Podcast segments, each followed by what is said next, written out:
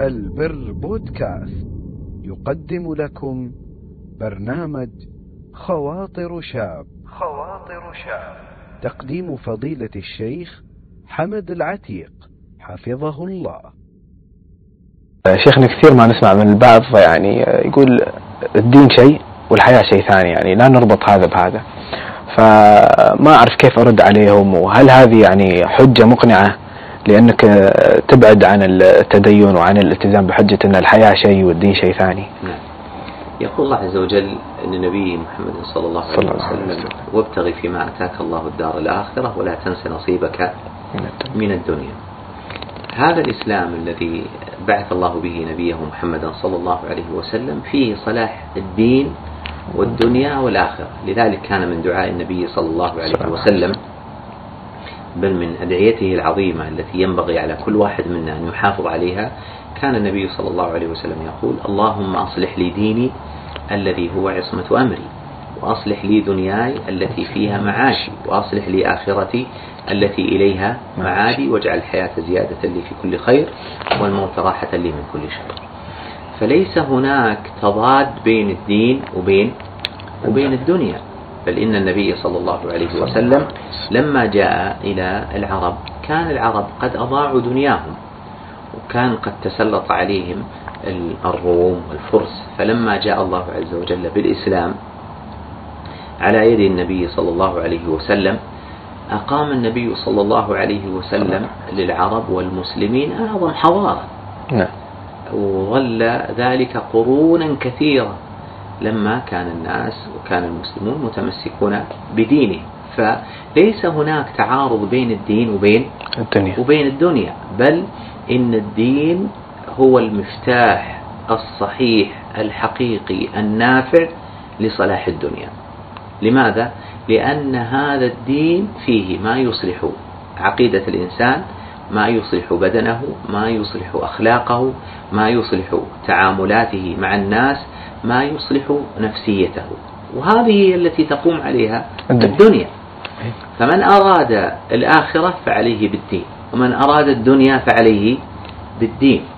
وكثير من الناس يعتقد أنه إذا تدين معناه أنه ما يضحك. معناه أنه لا يستخدم الترفيه. معناه أنه لابد أن يترك المرح. معناه أنه يترك الضحك والابتسامة معناه أنه يترك التلذذ بالمباح من الدنيا. هذا غير صحيح. النبي صلى الله عليه وسلم. لما جاء الثلاثة قال بعضهم أنا لا أتزوج النساء وقال أحدهم أنا لا آكل اللحم. يظنون أن التدين ينافي هذه الأمور.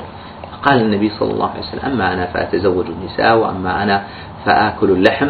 وكان النبي صلى الله عليه وسلم يأكل بأبيه وأمي الحلوى والنبي صلى الله عليه وسلم كان يمازح الأطفال وكان النبي صلى الله عليه وسلم ينظر للأحباش وهم يلعبون في المسجد وكان النبي صلى الله عليه وسلم يلعب مع زوجاته مثل ما فعل مع أم المؤمنين عائشة يوم سابقها فسبقته ثم سابقها النبي صلى الله عليه وسلم فسبقها فقال هذه بتلك مثل ما يقال واحد واحد اليوم. فالنبي صلى الله عليه وسلم كان من أسعد الناس. الصحابة رضي الله عنهم والتابعون لهم بإحسان ومن تبعهم بإحسان إلى يوم القيامة. فليس هناك تعارض بين الدنيا وبين الدين. هناك تعارض بين المحرمات وبين الدين. هذا صحيح. إذا كان الشاب يعتقد أن الدنيا معناها الوقوع في الملذات والشهوات المحرمة نعم. لا شك هناك تعارض.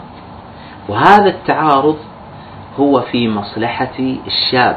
يعني الله عز وجل حينما حرم علينا هذه المحرمات النظر الحرام السمع الحرام أكل الحرام الفاحشة الحرام حرمها لأن في ذلك مصلحة لنا. ما حرمه الله عز وجل علينا لكي يعاقبنا في الدنيا؟ لا. وإنما حرمها علينا لأن في ذلك مصلحة لنا. قال الله عز وجل اليوم أكملت لكم دينكم. دينكم وأتممت عليكم نعمتي. نعمتي. فالمحرمات نعمة من الله عز وجل والواجبات نعمة من الله عز وجل. تريد أن تعيش في هذه الدنيا من أكمل الناس في بدنك في روحك في نفسيتك في عقليتك في علاقاتك الاجتماعية في أسرتك كن على طاعة الله عز وجل. يكمل لك كل شيء. اليوم أكملت لكم دينكم وأتممت عليكم نعمتي. نعمتي. لا بد أنك تعتقد أن هذا الدين نعمة عليك. أن كل واجب نعمة من الله عز وجل. عليك كل محرم حرمه الله عز وجل نعم. هذا التحريم نعمة عليك. اليوم أكملت لكم دينكم وأتممت عليكم نعمتي ورضيت لكم الإسلام دينا. دينا. ويقول النبي صلى الله عليه وسلم وجعل الذل والصغار على من خالف أمري. الذي يعتقد أن مخالفة أمر الله عز وجل وأمر النبي صلى الله عليه وسلم في ترك الواجبات وفعل المحرمات في هذا خير له النبي صلى الله عليه وسلم أغلق الباب وقال وجعل الذل والصغار. الذل والصغار يعني ماذا؟ أن الإنسان يعيش ذليلا. تفسد عليه دنياه في ماذا؟ وجعل الذل والصغار في من خالف أمري. أما المطيع قال الله عز وجل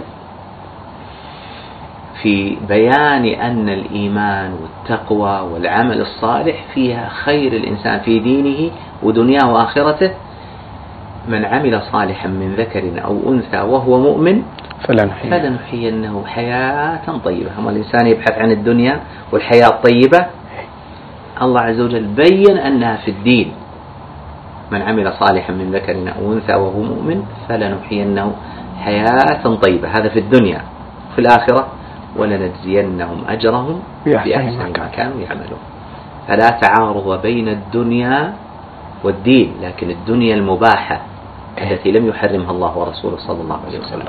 أما من اعتقد أن الدنيا هي الشهوات المحرمة والملذات المحرمة فلا شك أن هناك تعارض بينها وبين دين الله سبحانه وتعالى. لكن الخير للشاب بل لكل عاقل لكل إنسان أن يبقى على طاعة الله وأن يفر من معصية الله فإن في ذلك صلاح دنياه ودينه وآخرته. أسأل الله عز وجل أن يثبتنا على ذلك حتى نلقاه. اللهم آمين.